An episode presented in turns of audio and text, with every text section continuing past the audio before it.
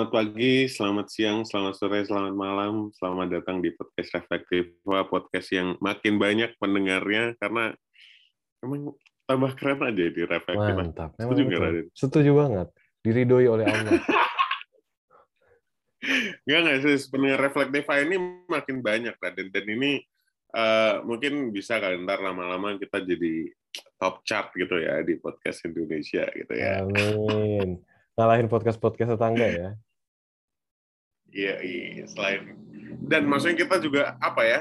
Kemarin kalau nggak salah ini berita baik dulu nih sebelum kita mulai podcast dan dulu kemarin tuh aku buka peringkat uh, podcast politik di Indonesia gitu ya yang paling hmm. didengar. Salah satunya adalah Reflektiva. Wah, luar biasa. Mantap. Mungkin Far kita perlu kasih tahu juga karena kita semakin lama semakin keren gitu ya dan semakin sibuk juga itu kita butuh Yoi. ini uh, teman-teman yang bisa nyumbangin pikirannya terutama. Jadi cek Betul. di Instagram Reflektiva itu ada kita buka buka rekrutmen, bukan rekrutmen tenaga kerja, rekrutmen teman gitu ya.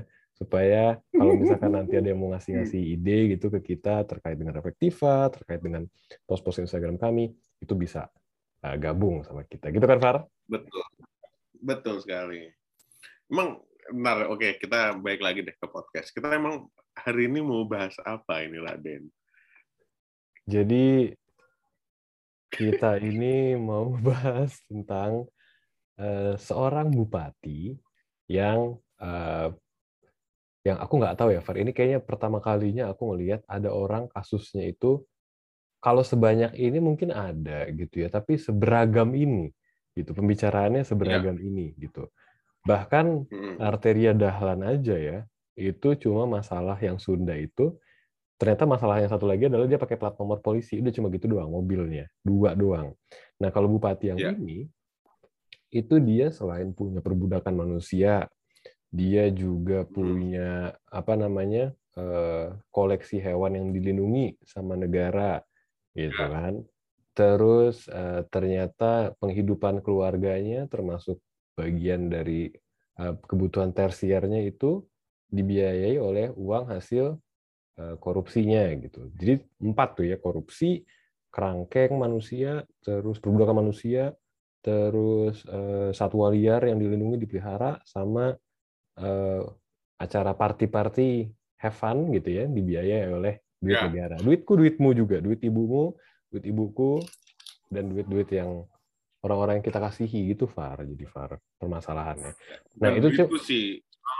aku belum bayar pajak tadi yang aku ya. Lanjut. Oh iya. Cuma mungkin dirimu bisa ngasih kedalaman konteks Far karena aku aku nggak tahu ini bupati mana, namanya siapa, makanya dari tadi aku nggak ngomong ini karena aku nggak tahu.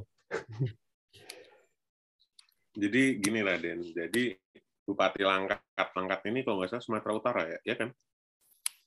Iya, iya, iya. iya pangkat ada di Sumatera Utara. Oh iya, di Sumatera Utara kan. Nah, uh, jadi ceritanya si Bupati Langkat ini ketahuan korupsi. Sebenarnya dia disuap gitulah dan yang uh, apa namanya yang sangat mengejutkan gitu ya. Bupati kekayaannya adalah 85,1 miliar. Gila nggak? Hmm. Banyak banget. Hmm. Uh, hartanya jadi bertambah banyak dan dia itu uh, konteks uh, konteksnya itu pokoknya barusan lah sebenarnya. Nah tapi uh, apa ya di media sosial kita kan sekarang tuh kalau orang satu kesalahan gitu ya itu bakalan kesalahan lainnya kan juga kalau bisa juga diungkap sekalian juga gitu. Ya seperti yang dulu bilang tadi. Jadi lebih beragam gitu. Kayak Arteria Dahlan kemarin permasalahannya dia ngomong ngejek orang Sunda gitu yeah. ya. Mm-hmm. Bukan orang ngejek orang Sunda sih. Dia kayak ya bisa jadi menyakiti hati uh, suku Sunda. Tapi akhirnya plat nomor mobilnya juga kena gitu. Terus video-videonya dia yang ngebentak si siapa namanya Prof Emil Salim Prof. diangkat lagi. ya kan. Artinya langsung kena bulian semua aspek gitu kan. Nah, kalau si Bupati Langkat ini korupsi tapi kan kalau sebenarnya kalau korupsi di level bupati itu sebenarnya itu lebih sering ambles Raden sebenarnya nggak hmm. bertahan lama. Beda lagi kalau korupsinya misalnya kayak si uh, Mensos waktu itu si Juliari itu kan ketangkap langsung berita tentang korupsinya dia tuh lama gitu kan. Hmm. Nah, kalau level daerah itu kalau entah kenapa aku merasa itu nggak lama sebenarnya berita korupsinya. Nah, sebenarnya bisa jadi udah mau reda nih berita korupsinya si Bupati Langkat ini. Eh, tapi malah muncul berita-berita lain ternyata hmm, hmm, dia juga melakukan tindakan-tindakan lain gitu. Yang pertama, misal tadi di rumahnya ada kerangkeng isinya manusia gitu kan. Yang kedua, dia juga uh, ada satwa liar yang dilindungi eh dipelihara sama dia hmm. gitu Raden. Ini langsung booming banget nih sampai sekarang gitu. Hmm. Jadi kesalahan satu ternyata mengungkap kesalahan-kesalahan yang lain gitu. Gimana kalau menurut? Jadi dimulai dari awal dulu deh. Kerangkeng manusianya gitu. Ah, iya. Gimana Raden ya? Gimana, Apa? Gimana, gimana, gimana? Kerang, kerangkeng, kerangkeng manusia ini kenapa? Kerangkeng kerangkeng manusia aku dulu apa dirimu ini. dulu nih ini aku jadi aku, aku dulu, dulu. oh ya mogo mogo mogo jadi kerangkeng manusianya itu adalah uh, gimana ini dia kan ngomongnya itu untuk rehabilitasi gitu loh nah selama memang buat rehabilitasi nih emang salah gitu kan biar iya. nggak ya. kumat gitu kan iya iya iya aku nggak terlalu paham ya soal rehabilitasi ya. Uh, aku mungkin ini mungkin uh, ngambil dari yang tadi kita podcast yang siang. Uh, ini mungkin tapi nanti reflektiva uh, podcast yang tadi kita take siang tadi akan muncul seminggu setelah uh, podcast ini muncul yang kita sekarang lagi rekam ini. Jadi uh, apa namanya pemasungan gitu ya kerangkeng itu kayaknya caranya salah untuk menyelesaikan masalah apa pun gitu. Kecuali memang kalau itu tindakan kriminal gitu ya. Maksudnya tindakan kriminal adalah tindakan yang uh, melawan negara gitu. Nah kalau rehabilitasi itu uh, caranya mungkin bukan pakai kerangkeng gitu. Menurutku. Nah tapi kalau untuk pembahasan ini karena aku nggak ahli aku akan serahkan ini ke mungkin pendengar-pendengar efektiva yang lebih ahli yang bisa nge-DM kita gitu ya. Tapi terkait dengan terkait dengan apa namanya uh, otoritas misalnya gitu itu kita bisa bahas tuh rehabilitasi orang-orang yang pakai narkoba itu setauku itu tidak berhak tidak punya tidak diberikan otoritasnya ke uh, individu gitu kalaupun memang orang itu pengen direhabilitasi, maka serahkan itu kepada BNN misalnya, atau ke uh, psikolog mungkin, aku nggak tahu psikiater dan sebagainya gitu. Uh, jadi aku rasa bupati nggak punya nggak punya kuasa, nggak punya otoritas untuk mengurusin itu. Dan itu kan juga lagian bukan bukan dalam kapasitas dia sebagai bupati, tapi kapasitas dia sebagai individu uh, warga negara. Apa buktinya itu kapasitas dia sebagai warga negara? Kerangkengnya ada di rumahnya, rumah pribadinya, gitu kan. Aku nggak tahu itu rumah pribadinya atau bukan ya, tapi kalau misalkan ternyata itu rumah dinas itu lebih parah lagi. Masa rumah dinas dibuat kerangkeng gitu. Ya udah, gitu sih Far. Jadi menurutku salah kalau untuk urusan itu. Nah, kalau untuk yang satwa liar gitu ini langsung aja ngebut nih ya kita. Satwa liar ya jelas-jelas salah lah. Tapi kalau satwa liar itu yang aku tertarik untuk highlight di sini adalah biasanya itu untuk urusan satwa liar itu herannya ya perasaanku ya itu biasanya elit tuh yang ngelakuin tuh elit yang yeah. memang pemelihara memelihara satwa liar itu buat status sosial gitu. Iya. Yeah. Hmm. Gimana Tapi gimana ini ya?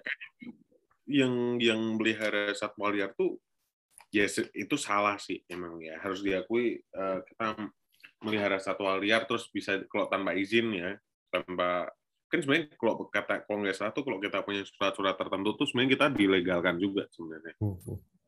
Hmm kalau nggak salah ya korek uh, kalau ada salah ya maaf karena saya kritik tapi artinya gini ya kalau benar kata dirimu gitu orang tuh melihara satwa liar itu untuk sebagai status sosialnya dia gitu artinya bahkan nggak cuma dia sebenarnya kalau mau dikuliti jenderal-jenderal para pejabat-pejabat negara Indonesia pasti juga ada tuh yang punya sebenarnya hmm. Raden. Cuma bedanya gara-gara dia habis korupsi terus dia kebuka ini juga, wah langsung habis kan jadinya. Jadi kalau dilihat pejabat-pejabat tuh pasti pada punya semua mungkin mayoritas buat gengsi-gengsian. Hmm, hmm, hmm. Benar, benar, benar. Terus tadi permasalahan apa namanya kerangkeng juga. Kalau kerangkeng mungkin itu ini ya individual ya dia sporadis ya. Tapi kalau untuk yang satwa liar tadi itu elit-elit gitu ya. Nah aku mau nanya Devar ya. Ini mumpung dirimu nggak nanya nih ya. Jadi aku duluan yang nanya. Jadi alhamdulillah sekali aku nggak harus jawab ini duluan gitu ya. Nah jadi yang eh, yang menarik dari kasus ini adalah uh, salah satu yang diangkat sama netizen itu adalah perilaku anak-anaknya, gitu ya. Nah, tadi dirimu sebelum sebelum take dirimu ngomong soal istrinya juga, cuma aku nggak terlalu tahu kalau yang istrinya gitu ya. Kalau yang anak-anaknya itu ada uh, acara ulang tahun itu uh, bermegah-megahan, meskipun dilarang sama Allah ya bermegah-megahan itu ya. Nah, uh, Terus juga, aku nggak tahu dirimu nyampe atau nggak tweet ini, Far, tapi ada orang yang nge-tweet itu foto pas foto dua anaknya, yang satu cowok, yang satu cewek, uh, kedokteran dua-duanya kalau nggak salah. Nah, itu katanya kedokterannya juga dipertanyakan gitu. Uh, mulai dari masuknya, mulai dari pembiayaan kuliahnya dan sebagainya. Gitu lah. Itu dirimu menurutmu gimana, Far? Apakah adil, Far, ya. kalau misalnya uh, kalau misalnya anak-anaknya juga ikut di uh, usik gitu ya? Wah, sebenarnya juga ini juga sih Raden. Uh, sulit juga ya. Artinya kan sebenarnya kan yang salah kan bapaknya gitu kan bapaknya korupsi kita asumsikan anaknya istrinya dia nggak tahu nih si suami korupsi nih asumsinya ya katakanlah ya tapi apakah perlu juga kena bulian uh, bulian netizen gitu loh. Artinya kan itu kan sampai anak-anaknya tuh dikuliti gitu Raden. Wah, nih dia pesta mewah-mewah nggak tahu nih. Padahal ini uh, uang bapaknya yang haram misalnya. Atau uh, ini istrinya uh, dandannya mewah nggak tahu nih uh, kalau uh, duitnya itu sebenarnya duit haram gitu. Uh, mungkin di satu sisi uh, katakanlah kita mengatakan hukum ini uh, apa ya pemberantasan korupsi itu bisa dimulai dengan efek uh, sanksi sosial yang keras gitu Raden katakanlah nih bisa jadi dengan kita membuli anaknya membuli orang tuanya itu justru membuat orang takut untuk korupsi gitu Raden karena kan dia kan mikir aduh nanti kalau aku korupsi yang malu tuh bukan aku anak-anakku juga kena gitu kan Eh, istriku juga kena, suamiku juga kena, gitu. Hmm. Anak, uh, orang tuaku juga kena, gitu. Hmm. Artinya bisa jadi dengan uh, membuli keluarga itu uh, membuat orang-orang ada presiden setelah ini Jadi orang-orang kalau mau korupsi itu takut karena orang uh, orang-orang yang disayangnya itu juga kena. Gitu. Hmm. Tapi di satu sisi yang lain itu juga nggak adil sebenarnya. Karena yang salah kan bapaknya, kenapa anaknya dia disalahin juga? Anaknya kan kita dia nggak tahu apa-apa apa-apa Raden. Gitu. Hmm. iya kan? Nah, kalau menurutmu gimana? Aduh, ini susah nih. Kalau kalau uh, sekarang susahnya gini, aku nggak tahu ya, ini perdebatan hukum sebetulnya tentang keadilan. Uh, kalau kalau misalnya ini mungkin orang hukum lebih tahu ya Dimas mungkin lebih tahu. Nanti kita tanya pendapatnya Dimas ya. Kalau bisa kita suruh dia buat kultus ya. Nah eh, gini Far. Jadi kalau aku sih ngelihatnya dari sisi ini ya dari sisi eh, siapa yang eh, menikmati gitu ya menikmati duitnya gitu kalau um, apa namanya uh, bapaknya itu bukan korupsi deh, tapi selingkuh misalnya. Uh, selingkuh, terus anaknya itu kalau misalkan pakai argumentasimu ya, uh, biar di, dibuat malu keluarganya supaya nanti ada efek efek deterrence gitu ya buat yang mau melakukan itu gitu ya. Kalau selingkuh itu kan mungkin akan itu ya akan deter juga gitu, sama seperti korupsi. Tapi kalau selingkuh tapi anaknya dibully, anaknya kan nggak menikmati perselingkuhan bapaknya ya kan? Nggak aku nggak nggak bisa melihat bagaimana perselingkuhan bapak itu membuat untung si anak gitu. Nah tapi kalau misalnya eh, korupsi itu duit itu ya Far itu dinikmati sama semua orang gitu loh. Uh, karena duit itu nggak punya nggak punya agama dia nggak punya apa apa nggak punya ini juga nggak punya identitas lah ya. Pokoknya siapa pun yang megang duit itu bisa menikmati gitu. Siapa pun yang punya akses terhadap duit itu bisa menikmati.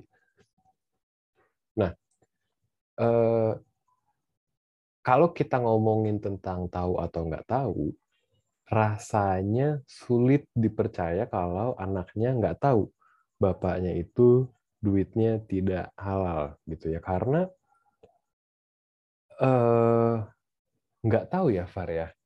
Uh, kayaknya orang tahu deh bahwa bupati itu tidak semestinya dapat duit sebesar itu. Harta kekayaannya nggak mungkin sebesar itu.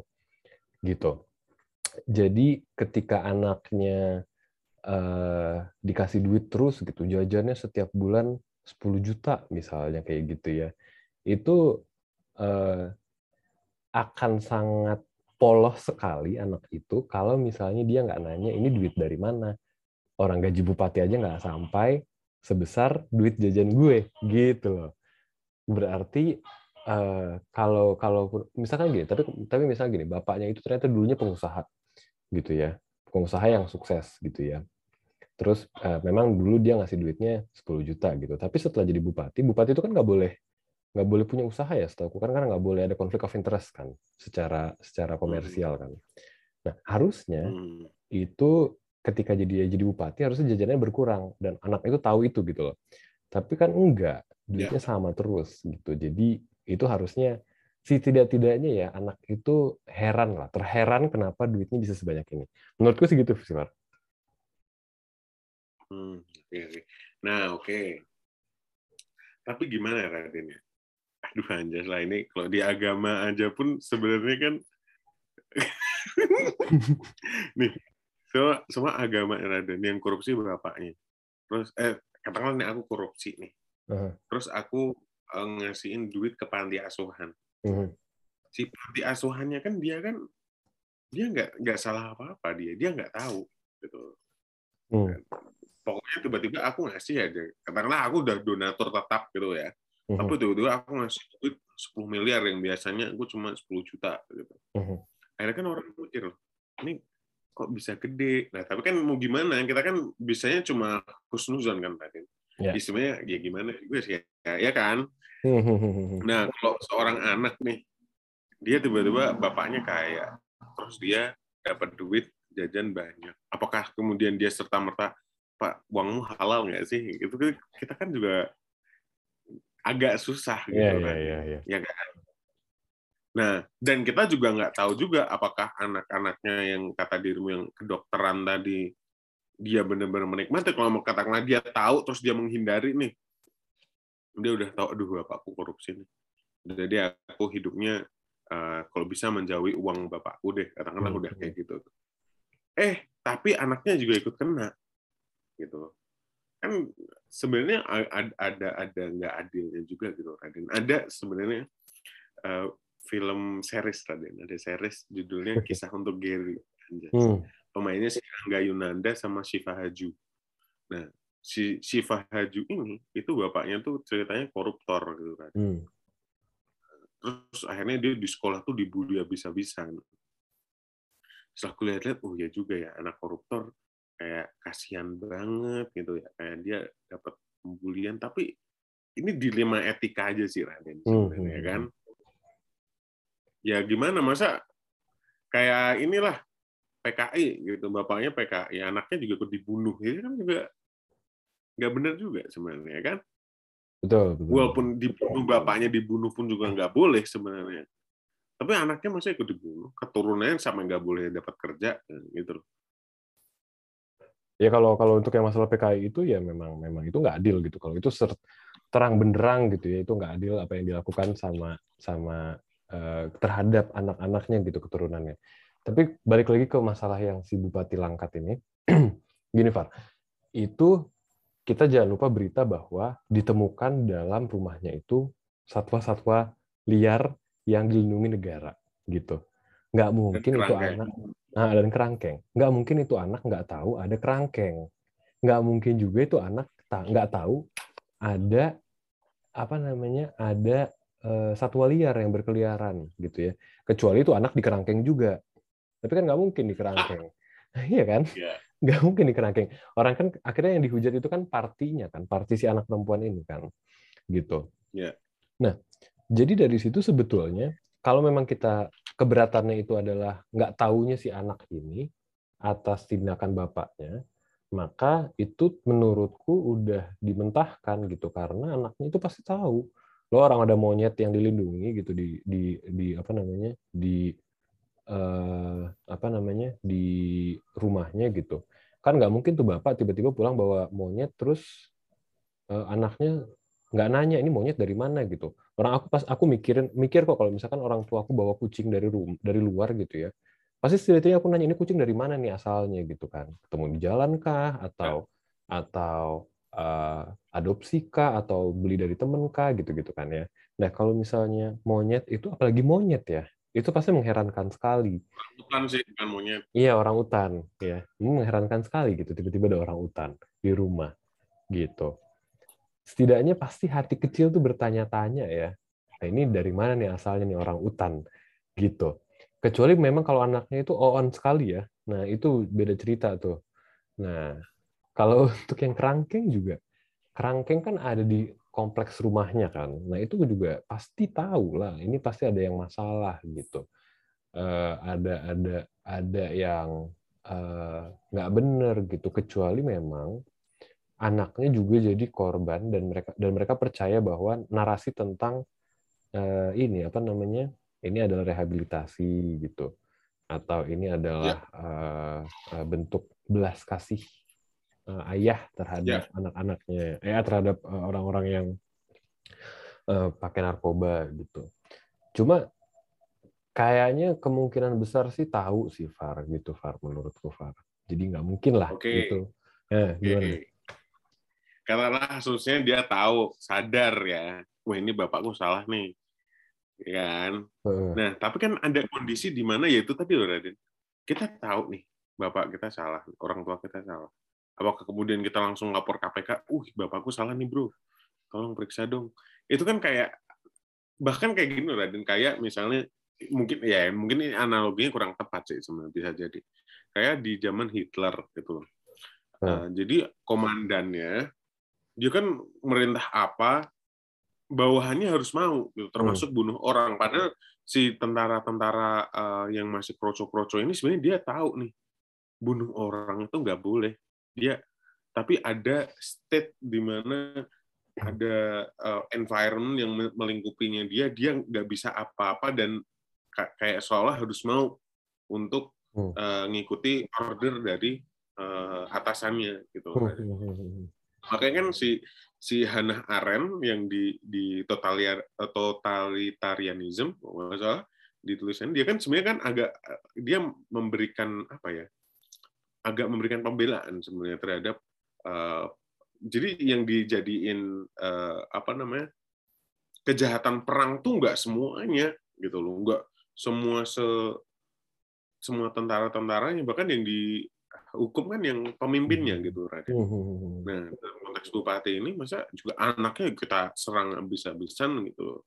Padahal bisa jadi si anak ini di dalam state atau dalam environment yang nggak mem memungkinkan dia untuk speak buat speak up dan dia hanya untuk ya ya ya deh karena kita nggak punya ada ketimbangan power relasi powernya tuh benar-benar berbeda gitu. Oke, okay. oke. Okay. Ini ini ah, ini menarik sebetulnya. Ini hanya akan bisa uh, kita pakai prinsip ini kalau anaknya itu uh, dipaksa untuk Eh, menyelenggarakan pesta ulang tahun itu. Gitu. Dipaksa terus dia harus nurut gitu. Nah, itu itu baru persis tuh sama kayak eh, komandan yang memerintahkan yang mengomando si anak buahnya gitu ya. Nah eh, kalau kan yang jangan jadi masalah kan itu asumsinya asumsinya anak-anak ini tahu gitu ya tentang tentang eh, apa namanya eh, duit bapaknya gitu. Atau kalau pakai bahasa undang-undang patut dicurigai gitu ya. Patut dicurigai duitnya ini nggak benar gitu kan. Nah tapi anaknya itu menyelenggarakan pesta mewah satu. Kedua dipamerkan. Ada videonya soalnya kan dan itu ketemu sama sama netizen. Berarti kan dipublikasikan itu kan. Nah dengan itu berarti dia dengan sadar menikmati duitnya dan yang yang yang yang udah kita ini lagi yang udah kita bahas lagi dengan sadar dan dengan sepengetahuan atau setidaknya dengan dengan pengetahuan bahwa duit bapaknya patut dicurigai gitu.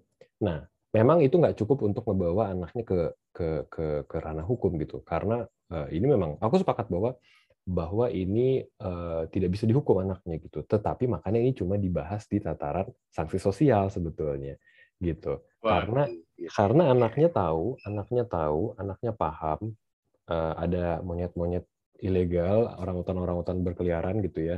Ada orang-orang yang di kerangkeng gitu, tapi terus kemudian anak-anaknya ini uh, menyelenggarakan pesta ulang tahun yang mewah dan dipamerkan gitu. Jadi di situ salah secara sosial menurutku ya, menurutku ya.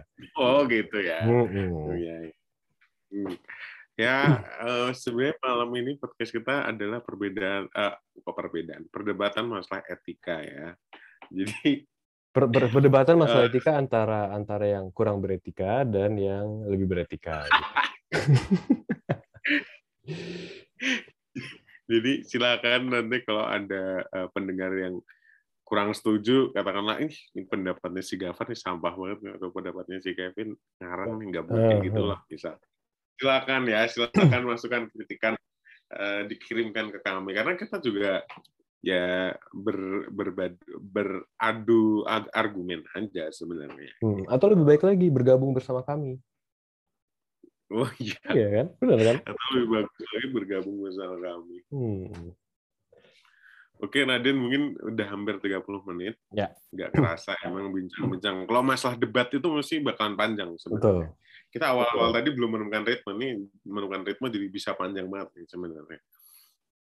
Uh, Oke, okay, terima kasih eh, teman-teman yang sudah mendengarkan. Uh, jangan lupa dengerin edisi uh, bincang selanjutnya. Kita bahas hal yang bagus pokoknya pastilah kurang apa reflektif kita ngundang tamu-tamunya itu istimewa istimewa ya udah oke okay. uh, terima kasih atas uh, kesediaannya untuk mendengar podcast ini mhm. saya Gafar dan sahabat saya yang paling paling apa nih paling beretika paling paling paling beretika Kevin Alisa Saryanto Oke, terima kasih semuanya. Bye-bye. Bye-bye. Assalamualaikum.